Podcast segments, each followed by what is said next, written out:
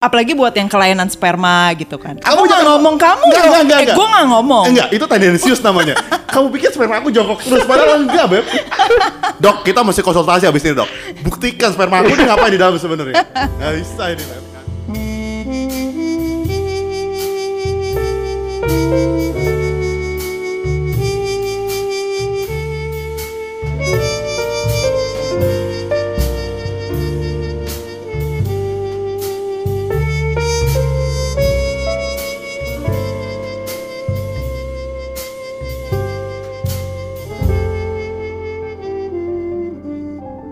Halo, Beb. Hai. Ah. Hari ini, Beb, kita akan bawain topik favoritnya aku. Oh, kenapa favorit kamu? Karena topik ini adalah topik yang kita bahas secara resmi sebelum kita melakukan prosesi in out in out. Maksudnya apaan itu? Jadi gini, jadi gini, jadi gini, jadi gini. Karena kita udah menikah, Ah, jadi kalau misalnya ada eh, pasangan pasangan-pasangan muda yang sedang nyiapin pernikahan, ah, ah. dia kan akan masuk ke proses menikmati proses in out in out. Oh iya, Nah, setelah resmi. Setelah resmi. Ah, ah. Nah, sekarang kita akan bahas sebelumnya apa yang mesti mereka lakukan sebelum mereka resmi in out in out. Eh, harus prosesi dulu. Eh, Jadi selain itu? harus teng teng tedeng Oh iya, harus benar, benar. prosesi pernikahan. Benar. Pendaftaran akna akta nikah. Selain itu, Eh, nggak tahu ini kok jadi kayak kuis gitu sih. jadi jadi hari ini kita spesial banget. Ah, ah, Kita berkolaborasi bareng Halodoc. ah, ah. Kita pengen bahas tentang pentingnya premarital check up. Oh itu jawabannya. Iya. Iya, Ke- iya. Kenapa? Karena aku nggak tahu ya, eh, banyak banget hal-hal yang orang masih tabu tentang hal ini. Hmm. Makanya saat ini kita kedatangan bintang tamu spesial. Hmm. Kita kedatangan Dokter Ari. Yes. Dokter, mungkin boleh dokter memperkenalkan diri dokter dan dokter kerja di mana? Halo, selamat siang Mas Budi dan Selamat Mbak siang. Mendy. Halo. Gimana kabarnya? Sehat. Gimana kabarnya? Baik, thank Sehat? you. Oke.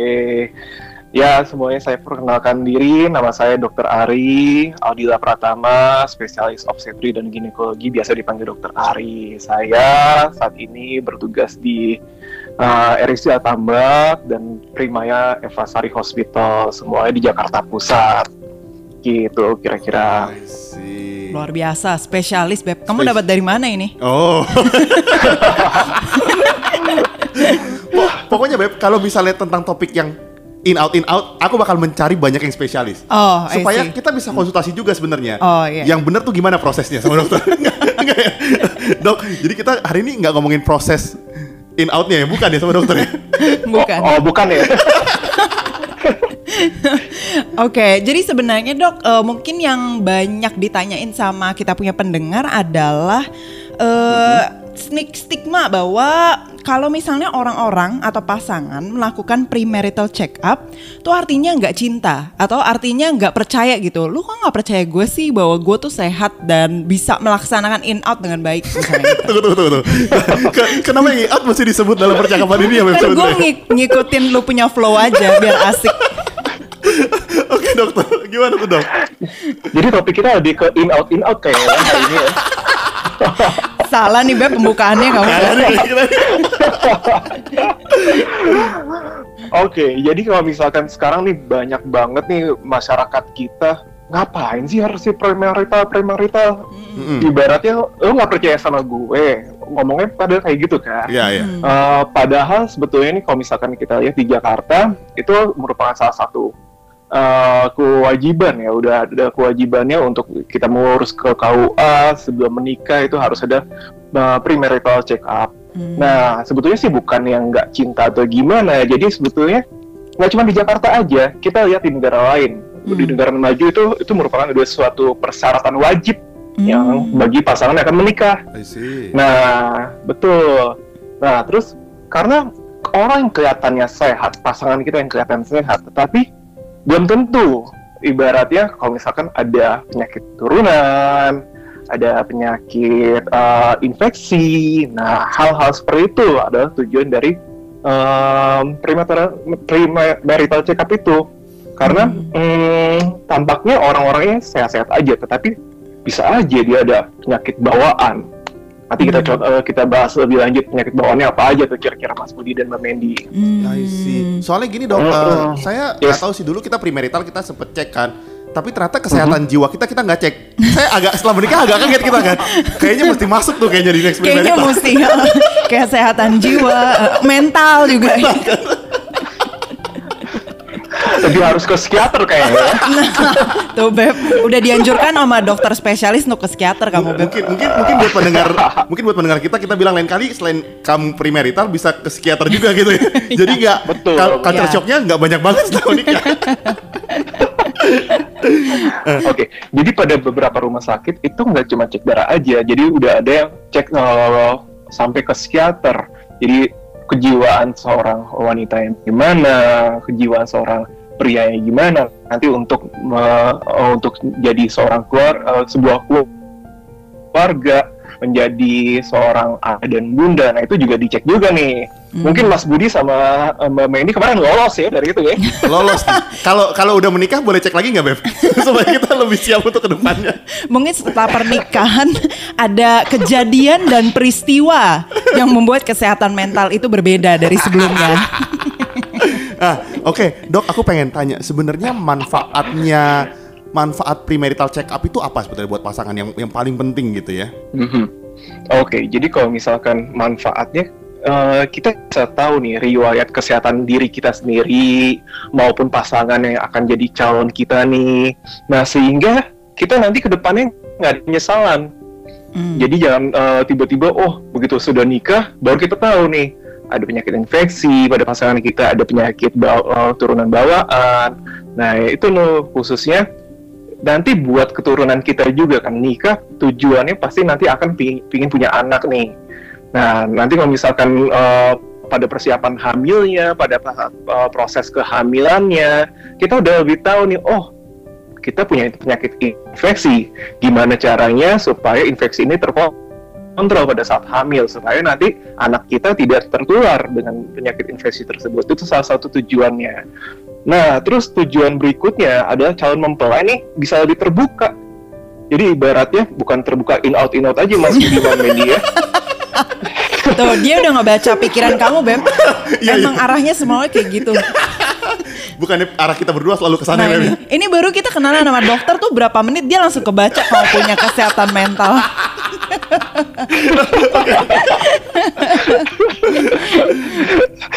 Jadi, jadi ke kita nih calon mempelai itu bisa lebih terbuka. Nah, terus uh, kalau misalkan sudah uh, melakukan premarital check up, kita udah Hmm. tahu nih pasangan kita kesehatannya seperti apa. Hmm. Jadi bisa lebih mantep dan lebih yakin nanti untuk pada saat uh, prosesi pernikahannya. Hmm. Nah, kalau tujuan yang terakhir tentu tadi balik ke tujuan awal untuk mencegah berbagai penyakit pada calon bayinya tadi. Kalau misalnya penyakit turunan, kita bisa uh, koreksi ada penyakit uh, infeksi, bisa kita uh, kontrol dulu infeksinya. Seperti itu.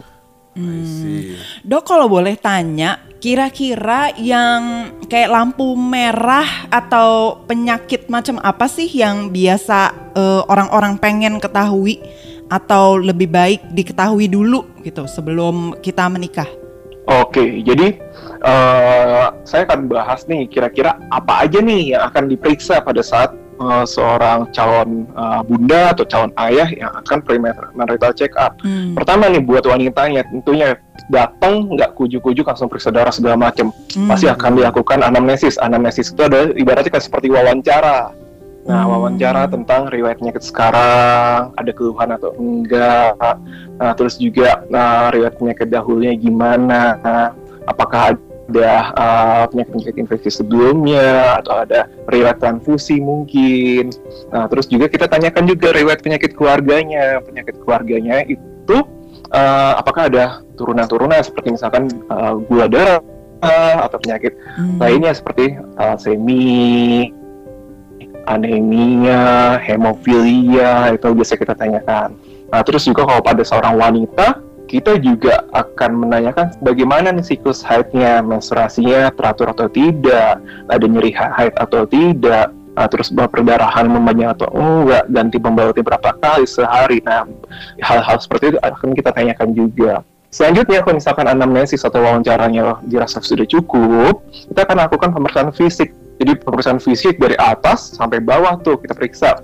Eh, pada wanita tentunya akan kita lihat seperti misalkan dari matanya juga matanya ada uh, anemia enggak, terus dari tubuhnya ada nggak kira-kira kelainan, ada tumor atau apa. Hmm. Nah, itu akan kita periksa juga. Nah, terus juga dari uh, jantungnya bagaimana, dari paru-parunya ya kita dengarkan bersih atau enggak. Nah, hal-hal seperti itu adalah suatu pemeriksaan fisik yang di- dia uh, lazim dilakukan pada premarital check up.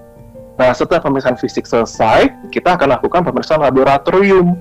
Laboratorium itu bisa darah, bisa urin.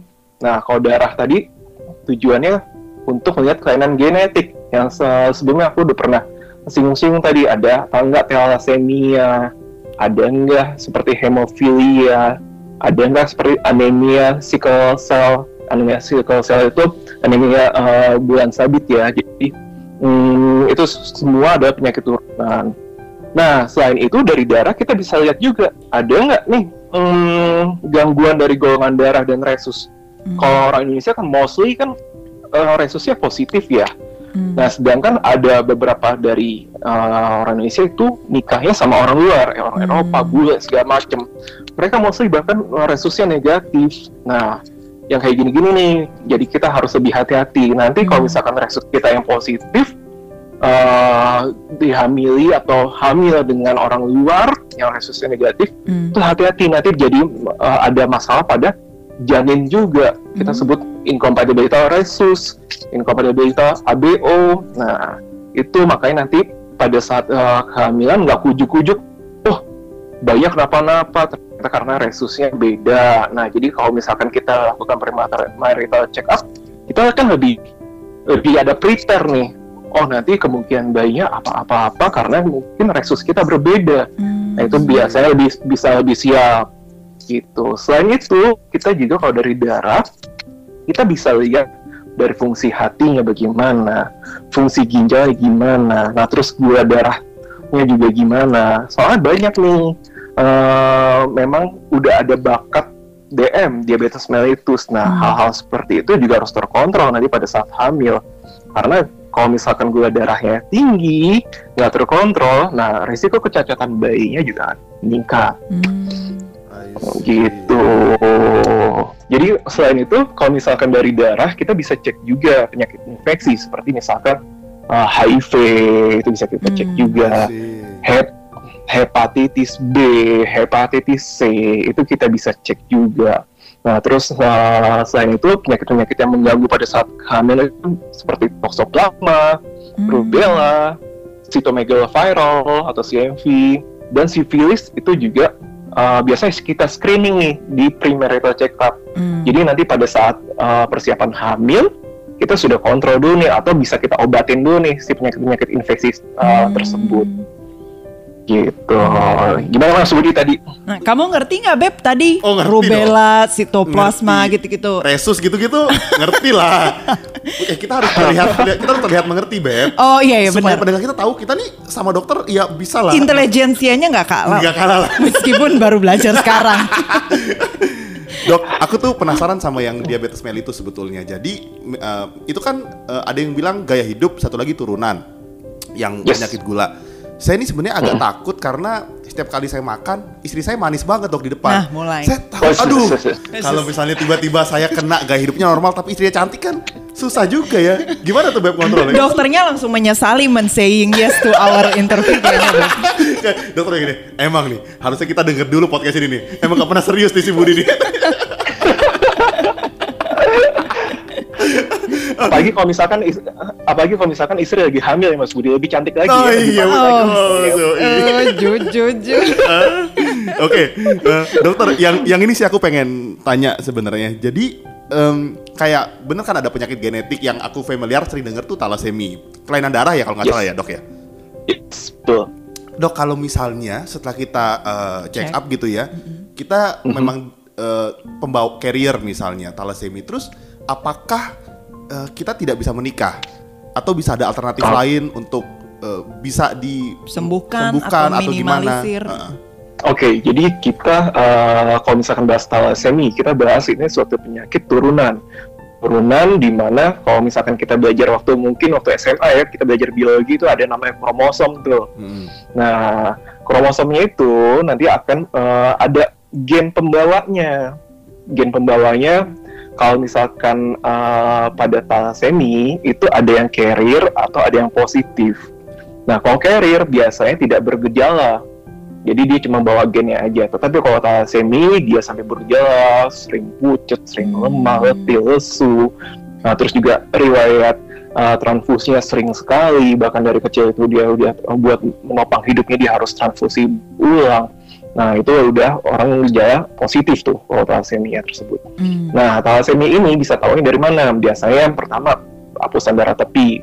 Jadi darah dicek laboratorium dilihat hapusan darahnya ada nggak gejala-gejala uh, sel darahnya itu ke arah thalassemia. Hmm. Nah, kalau misalkan memang uh, carrier, kita harus lihat nih pasangannya. Pasangannya carrier juga atau sama sekali nggak bawa carrier, uh, itu berarti aman. Hmm. Tapi kalau misalkan pasangannya carrier, dia juga carrier, apalagi dia itu positif thalassemia, itu kemungkinan nanti keturunannya di thalassemia itu akan lebih besar.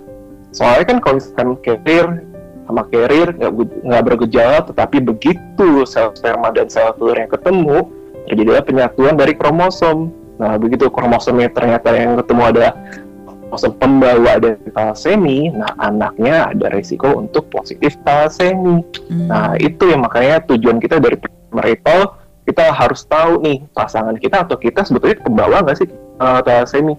Kalau misalkan memang uh, sama-sama pembawa dan sama-sama bisa menerima, sama-sama bisa is okay lah. Kita memang sama-sama care dan kita tahu nih resiko nanti anak kita bakal jadi uh, positif uh, thalassemia. Hmm. Ya, nggak apa-apa aja. Bukan berarti dia nggak boleh nikah gitu. Hmm. I see. Itu kan kalau contoh kayak thalassemia ya, tapi kalau kata dokter tadi cerita ada banyak penyakit lain kayak diabetes atau eh, apa HIV gitu. Pernah nggak sih kayak ada pengalaman di mana eh, orang itu mengetahui pada saat premarital, terus abis itu mereka akhirnya mengambil tindakan gitu. Ada nggak sih penyakit yang pas premarital check up bisa diambil tindakan sebelum misalnya makin parah atau eh, sebelum menikah eh, mereka decide dan ngomongin dulu misalnya gitu karena mereka eh, I don't know genetik secara genetika nggak compatible atau bisa menghasilkan eh, apa kelainan misalnya di keturunan mereka.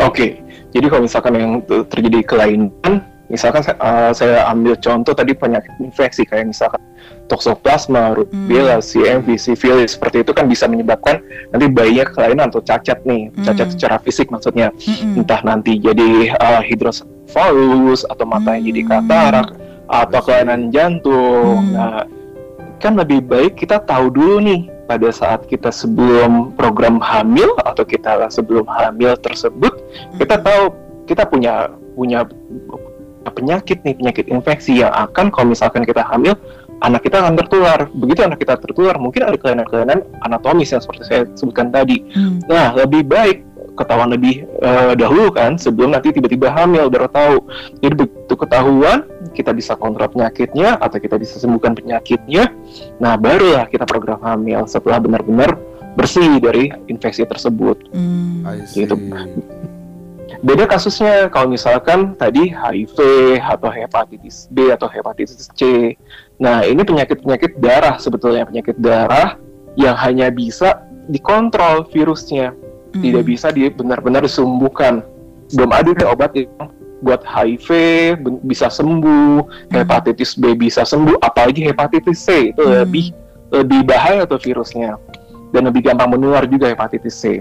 Nah, untuk virus-virus tersebut bisa kita kontrol. Ibaratnya mm, dalam satu cc uh, darah ada berapa virus. Nah, nanti begitu ketahuan kita kasih obat supaya virus itu tidak bereplikasi atau uh, ber- ber- berkembang biak lah itu virus. Jadi nggak lebih lebih banyak lagi. Jadi kita turunkan jumlah virusnya, kita turunkan sehingga kalau misalkan jumlah virusnya sudah turun, resiko buat menular ke anaknya lebih rendah. Itu dia Hmm. tujuan kita untuk kontrol virusnya.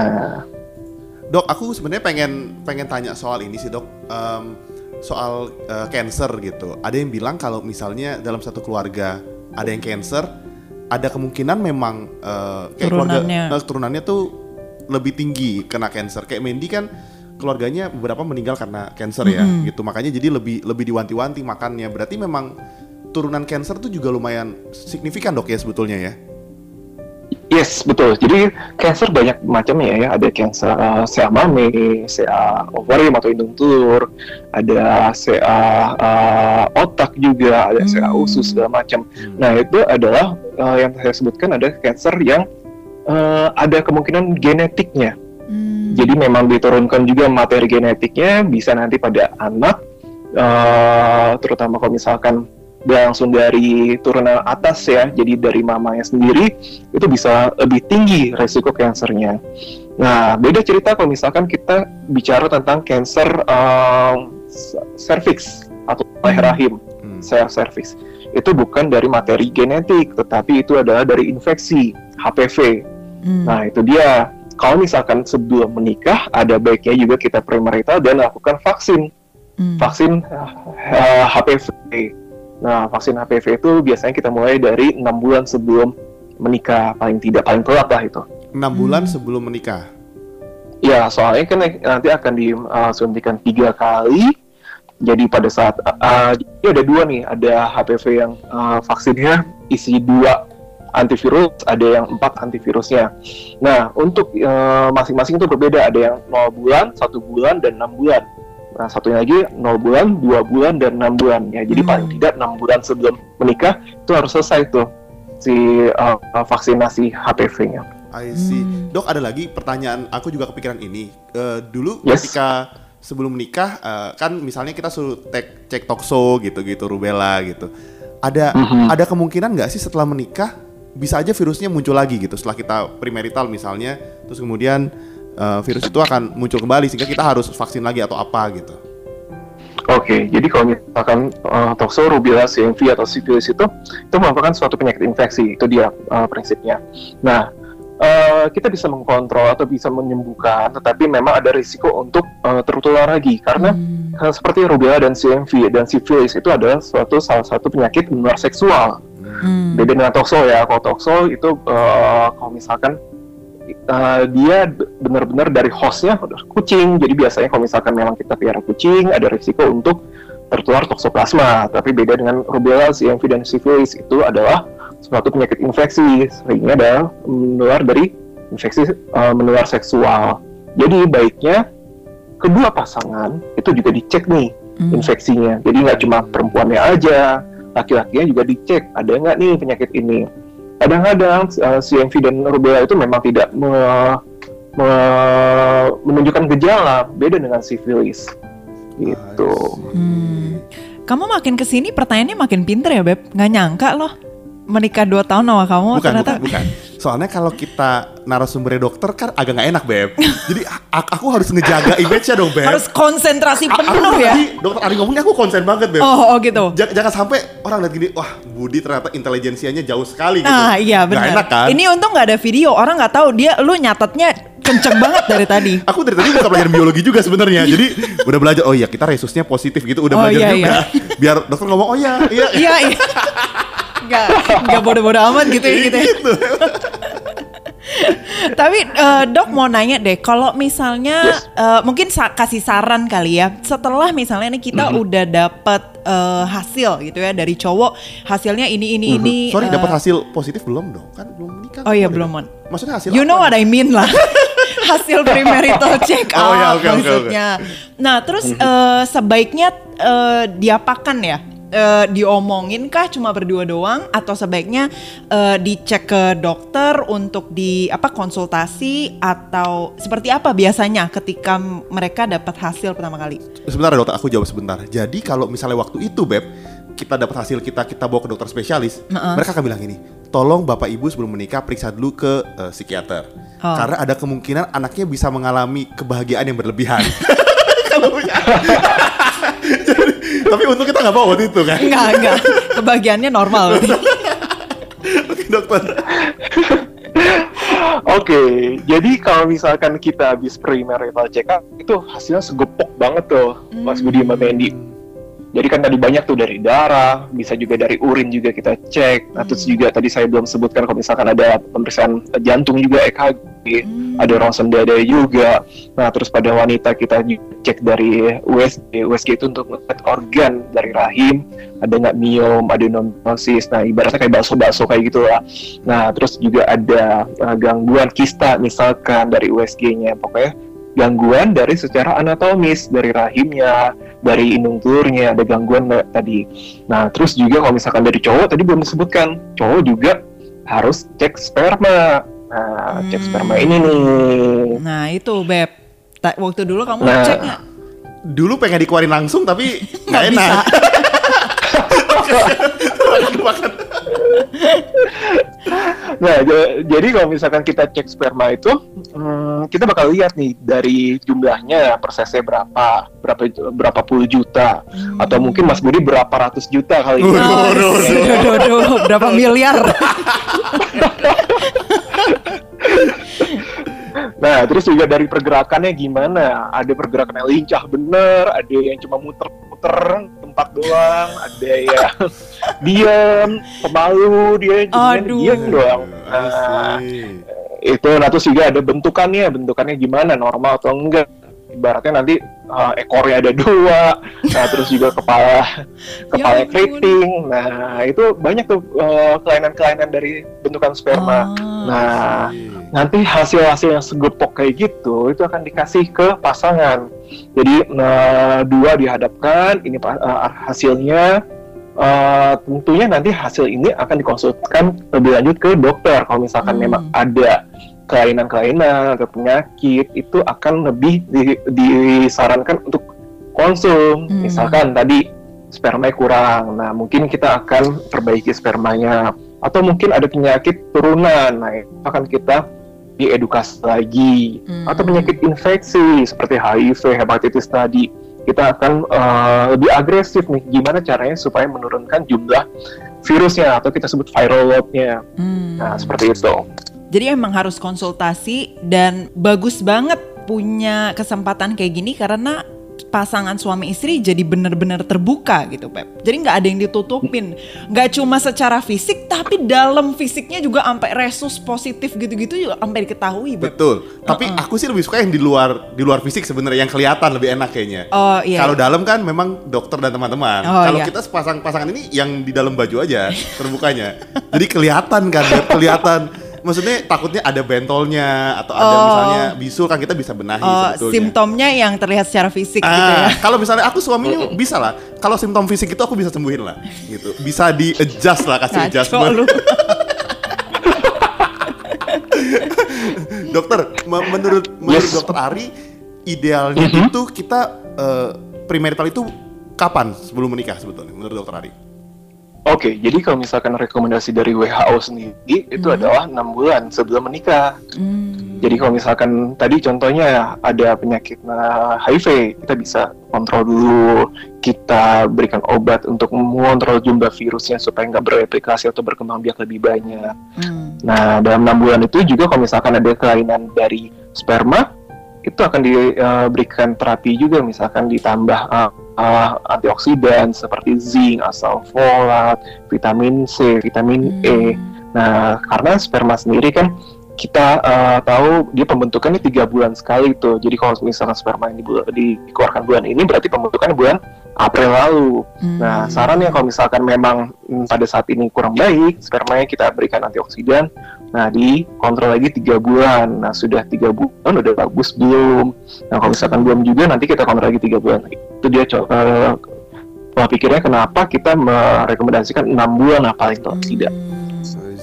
Jadi kadang-kadang buat teman-teman yang udah mau merit gitu ya, kadang-kadang mereka udah nggak mikir lagi tuh premarital. 6 bulan dekor, dekor, dekor, iya kan? Dekor, budget, makan, dekor, Dekor, budget, makan. makan. Ah kita beli menu apa aja nih kadang-kadang. Mereka suka nggak aware bahwa setelah pesta itu dua jam, kita tuh akan melangsungkan banyak hal di depan sebetulnya. Mm-mm. Dan proses in out Pinot tadi ya. Hebat langsung udah ketebak. udah ketebak arahnya bicara kita ini. Nah, mungkin juga ya dokter bisa ketebak secara apa eh, pribadi dan personality kamu, jumlah sperma kamu kayak gimana, bentuknya kayak gimana, ekornya dua, tiga atau empat gitu kan, berenang, pemalu, duduk, berdiri, apa jongkok gitu kan.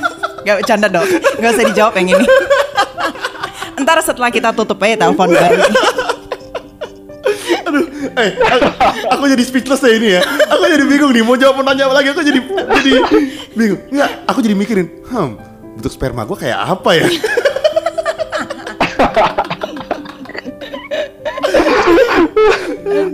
Eh, Oke, Em, ini seru banget sih sebenarnya. Yes, yes. Seru banget karena eh, aku nggak nyangka pribadi dokter bisa memahami pikiran kita dengan sangat dalam sebetulnya. Pemia- pemikiran lu sebenarnya.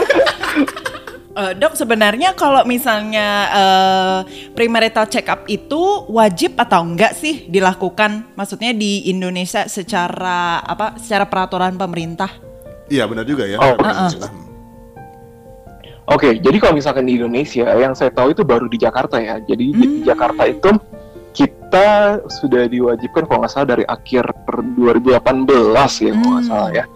Itu sudah harus ada sertifikat eh, siap nikah ibaratnya seperti itu. Nah, ini nggak eh, sebetulnya harus dua-duanya. Jangan cuma wanitanya aja Hmm. atau suaminya aja kan ada juga nih yang ibaratnya salah satunya cowok atau ceweknya oh kamu aja yang dicek kan normal-normal aja kelihatannya Hmm. nah kayak gitu untuk em, membentuk suatu keluarga untuk memiliki seorang anak tentunya kan kita pasangan ya nggak bisa cuma sendiri aja Hmm. harus ada sel peluru dan sel sperma juga Mm-mm. nah makanya itu diwajibkan dua-duanya gitu Mm-mm. Itu penting kayaknya ya apa catatan itu bahwa eh, kelihatannya sehat aja, padahal dalamnya belum tentu merupakan kenyataan bahwa dia sehat-sehat aja Iya, gitu. baik fisik maupun mental kan sebetulnya kan. kita bisa terlihat yes tadi Ya. Mbak. kita bisa terlihat biasa aja tapi mentalnya agak kurang sehat ternyata kan. Oh iya, Iya, benar-benar. benar juga ya. ternyata ter- ternyata memang karena belum ke psikiater kali ya kemarin Nah, gitu. Nggak apa dok, mungkin abis ini kita bisa chat eh, psikiater yang dokter rekomend siapa biar kita bisa konsultasi kali ya. ada di Halodoc nanti ya. Oh iya. Nah, ngomong-ngomong Halodoc nih, jadi Halodoc itu Yes. punya program premarital check up. Ini menarik banget Ya, programnya. Betul. ya dok ya? Ada premarital ya. Betul. Jadi jadi eh, paket premarital ini ada dalam fitur cek labnya Halodoc. Cek lab ini bekerja sama dengan Prodia. Jadi teman-teman bisa tinggal pilih aja premarital check. Nanti petugasnya akan datang ke rumah untuk ambil darahnya. Bahkan sekarang jadi nggak repot banget ya dok ya? Ya jadi simpel banget ya. Jadi karena kita udah kerja sama sama Prodia, nah, nanti tinggal buat janji aja, buat, buat janjinya kapan. Nanti petugas Prodianya langsung datang ke rumah dan jangan lupa pada saat periksa harus puasa juga. Oh iya. Hmm. Oh kalau psikiater juga bisa ke rumah juga dok ya memeriksa kesehatan. Bisa nanti via chat juga. Berarti harus puasa beb sebelum cek premarital. Nah, kamu bertahan gak tuh nggak makan berapa jam? Kalau misalnya aku suruh puasa, aku jadi nggak keluarin sebenarnya beb. Nggak bisa kayaknya. Aku harus harus total tuh kayaknya kalau misalnya mau ini beb. Nah, aku sebenarnya pengen pengen sharing pengalaman pribadi karena ini menarik banget. Jadi aku uh, pengguna Halodoc untuk si mama terutama karena kan uh, kondisi pandemi gini. Jadi mau ke rumah sakit jadi serba takut, Iya, mama benar. jadi aduh Ya. jadi jadi parno gitu di rumah jadi serba parno lah. Akhirnya kita konsultasi ke sana. Ada dokternya juga cepet banget update ke kita. Terus Lewat aplikasi lewat waktu itu ya? aplikasi, terus bahkan obatnya order dan dikirim gitu. Hmm. Itu bener-bener juga datangnya ya. iya cepet juga. Jadi, jadi buat aku sih ya ampun memang mempermudah sekali sebenarnya Halodoc gitu. Kita menghindari Kontak. ketemu banyak orang gitu. Bener-bener buat aku sih sangat guna banget sih. Kalau dokter mungkin ada pengalaman nggak dok di Halodoc lagi terima pasien-pasien yang mungkin jadi curhat kali ya? Enggak ya, tetap konsultasi bukan curhat ya. Iya, jadi kebanyakan nih semenjak pandemi kemarin nih dari bulan uh, Maret ya kita ke pandemi itu Mm-mm. di uh, banyak banget yang jadi parno atau jadi takut ke rumah sakit. Jadi yang hamil-hamil itu uh, konsultasinya via online, jadi via Halodoc lebih banyak dibandingkan sebelum-sebelumnya. Nah begitu konsultasi, nah kalau misalkan kita uh, dari anamnesisnya, kan tentu kita nggak bisa pemeriksaan fisik, seperti misalkan yang uh, senjata kita sebagai dokter opsi kan USG ya tentu kita nggak bisa nih USG. Hmm. Nah dari anamnesis tersebut kalau misalkan kita masih merasa aman nggak ada masalah ya kita lanjutkan aja kehamilannya. Nah terus kalau misalkan ada vitamin-vitamin yang dibutuhkan kita bisa resepkan dan nanti akan diantar langsung dan itu lumayan cepat juga buat eh, diantar langsung ke rumahnya. Jadi benar-benar ngebantu nih bagi-bagi pasangan yang lagi hamil dan parno ke rumah sakit Nah, kita siap. Jadi kan kita uh, tinggal via chat, nanti keluhannya apa, nah terus juga masalahnya apa, kita kata sana langsung dengan uh, pemberian obat juga. Dan nggak semua sih harus diberikan obat. Paling cuma banyak juga pasien-pasien yang cuma curhat, dok, saya ada kontraksi, dok saya pusing atau apa. Nah, hal-hal seperti ini kan ibaratnya ya cukup dengan istirahat Hmm. atau pemeriksaan lab lebih lanjut nanti kita evaluasi hasil labnya juga nah hal-hal Hmm. seperti itu sangat-sangat membantu nih dengan hal tersebut Mm-mm, praktis terus abis itu hemat banyak ya hemat waktu Betul, betul. hemat bensin Hemat bensin, gitu. benar-benar. jadi Dan untuk hemat tenaga juga iya betul, heeh. betul. Beb, kita tenaganya bisa dipakai untuk in out in out daripada actually pergi ke dokter Beb, sorry sorry. Soalnya gini Beb, kan tadi oh, apa dokternya ngobrolin soal apa kalau wanita hamil. Nah, sebelum hamil itu mesti ada kejadian itu dulu. Iya. Spermanya mesti bagus, nggak cuma jongkok Betul. duduk gitu, harus bisa berenang, aktif gitu. Ya, kayaknya kamu mesti dicek dulu. Iya benar ya. A- aku takut ini spermanya cuma duduk main catur doang sebenarnya. dia dia nggak ke mana-mana. Loh, aku jadi bingung nih mau nanya apa lagi sama dokter. Jadi serba, jadi jadi kaget Beb ini pertanyaan jongkok eh, bentuk sperma itu bikin aku membayangkan, hmm, spermaku lagi ngapain ya gitu loh. Jadi mikir, aduh, gitu. Tapi tapi menarik banget. Eh, bener-bener kita harus bilang bahwa di era pandemi ini sebelum pandemi juga Halodoc udah banyak tapi pandemi ini Halodoc sangat membantu banget buat rekan-rekan semua baik yang emang eh, memang lagi proses kehamilan gitu ya atau memang lagi kondisi-kondisi sakit dan kondisi Ya, lainnya betul. sebetulnya. Terus oh ya, nah ini yang menarik Ben. Hmm. Jadi kita itu akan memberikan uang gratis. Uang gratis. Kita yang berikan, disponsori sama Halo Dokter. Luar biasa. jadi jadi eh, teman-teman eh, kita ada kode voucher sebesar 25.000 Hmm. untuk setiap pembelian obat minimal 100.000 Hmm, potongan 25.000 ribu Yes. untuk pembelian obat minimal 100.000 ribu. dengan menggunakan kode voucher Pilotalk ID. Hmm. Itu bisa nambah nasi padang satu, Beb. Nggak cuma nasi padang, Beb. Lumayan, siapa tahu kamu butuh obat sperma, jadi bisa dibeli di sini. Dok, emang harganya 25.000 dok ya? Nggak, harganya berapa buat sperma itu ya? itu satu butir kali ya Gila mahal banget, luar biasa. Abis, abis, Beb, jadi gini, setelah nanti eh, voucher kita ini launching, kita pakai dulu pengguna pertama. Oh iya, Jangan biarkan yang lain pakai. Biar kita untung kan, Beb. Maksudnya gitu loh. Kita harus manfaatkan ini. Nah, tapi eh, vouchernya berlaku dari kapan sampai kapan, Beb? Nah, voucher ini satu bulan penuh. Dari Agustus sampai Agustus. Iya. Iya, tanggal 1 30 Agustus 2020. Mungkin nanti kalau ini menarik, kalau ada mau sponsorin selama 10 tahun juga nggak apa-apa sih. kan, Apalagi buat yang kelainan sperma gitu kan. Kamu jangan- ngomong kamu. Enggak, enggak, enggak, eh, enggak. gue nggak ngomong. Enggak, itu tendensius namanya. Kamu pikir sperma aku jongkok terus, padahal enggak, Beb. Dok, kita mesti konsultasi abis ini, Dok. Buktikan sperma aku ini ngapain di dalam sebenarnya. Nggak bisa ini, Beb. Nggak bisa ini. Gila, sampai dia speechless. Dokternya nggak mau nggak mau di interview kita lagi, Beb. Kata dokter, ini pasangan apa ya? Nggak ngerti nih kata dokter ini. Padahal pas diperiksa nanti ratusan juta ya oh iya, oh iya. spermanya Luar biasa. Dok, ada pesan-pesan terakhir nggak untuk pendengar kita nih? Terutama untuk di premarital check up. Yes. pesan-pesan terakhir serem banget ya Oh, iya, iya, Beb, kamu tuh tendensius itu baru. kamu mengancam maksudnya? Oke, jadi kalau misalkan nih sahabat-sahabat hal untuk semuanya, eh, untuk yang akan menikah, calon mak dan calon dek, lebih baik benar-benar di kita cek nih yang namanya premata lain sebagai supaya lebih mantap ke pasangan. Nah, juga nanti untuk persiapan baby-nya, persiapan hamil ya tentunya. Kalau misalkan ada penyakit-penyakit yang bisa kita kontrol atau kita cegah, itu lebih baik daripada nanti begitu hamil baru cek di trimester pertama, oh ternyata ada penyakit infeksi. dan kehamilannya kan sudah terjadi itu udah telat. Nah, jadi saran saya benar-benar dari enam bulan sebelum hamil, selain kita mempersiapkan gedung, catering, dan lain-lainnya, nah kita siapkan juga nih untuk prenatal check up-nya. I see. Yes, benar-benar. Jadi penting banget Beb, nggak cuma soal persiapan gedung, dekor, sama stamina buat in out in out, tapi di actual premarital check up juga penting. Dan lu mesti cek, teman-teman ini baru tahu gak? Lu mesti cek sperma lu tuh lagi ngapain. Dan bentuknya berapa? itu kan yang paling penting kan? Balik lagi ke situ. Itu ya. aku nyantol loh Beb itu loh. Jangan sampai ternyata sperma lu itu banyak yang cuma main catur doang. Dia nggak berenang ternyata. Enggak lah. itu buat cowok, buat cewek juga penting sebenarnya buat penyakit-penyakit lainnya. Iya, betul, gitu. betul. Jadi jangan ngecek cuma sendiri, tapi ngeceknya dua-duanya. Iya, bahkan bawa, Berdua. bawa Yes, orang tuanya juga berdua. nggak apa-apa. Ih, enggak, enggak. Orang tuanya dicek juga gitu. General check up, bener, nggak salah. Iya, iya, iya, bener aja. Dokter Ari, thank you banget. Yes. Ini ini seru banget.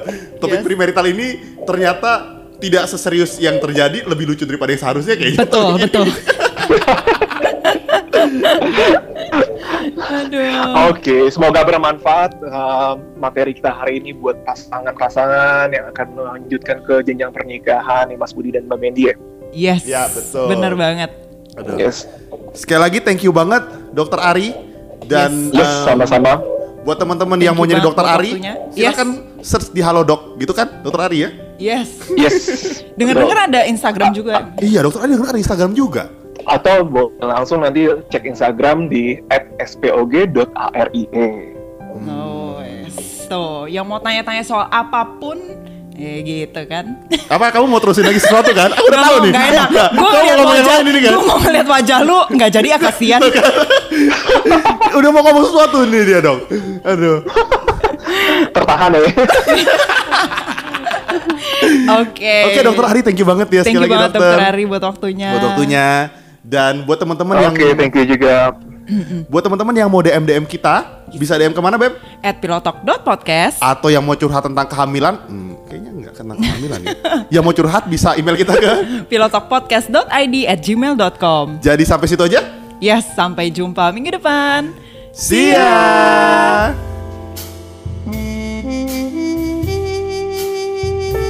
Thank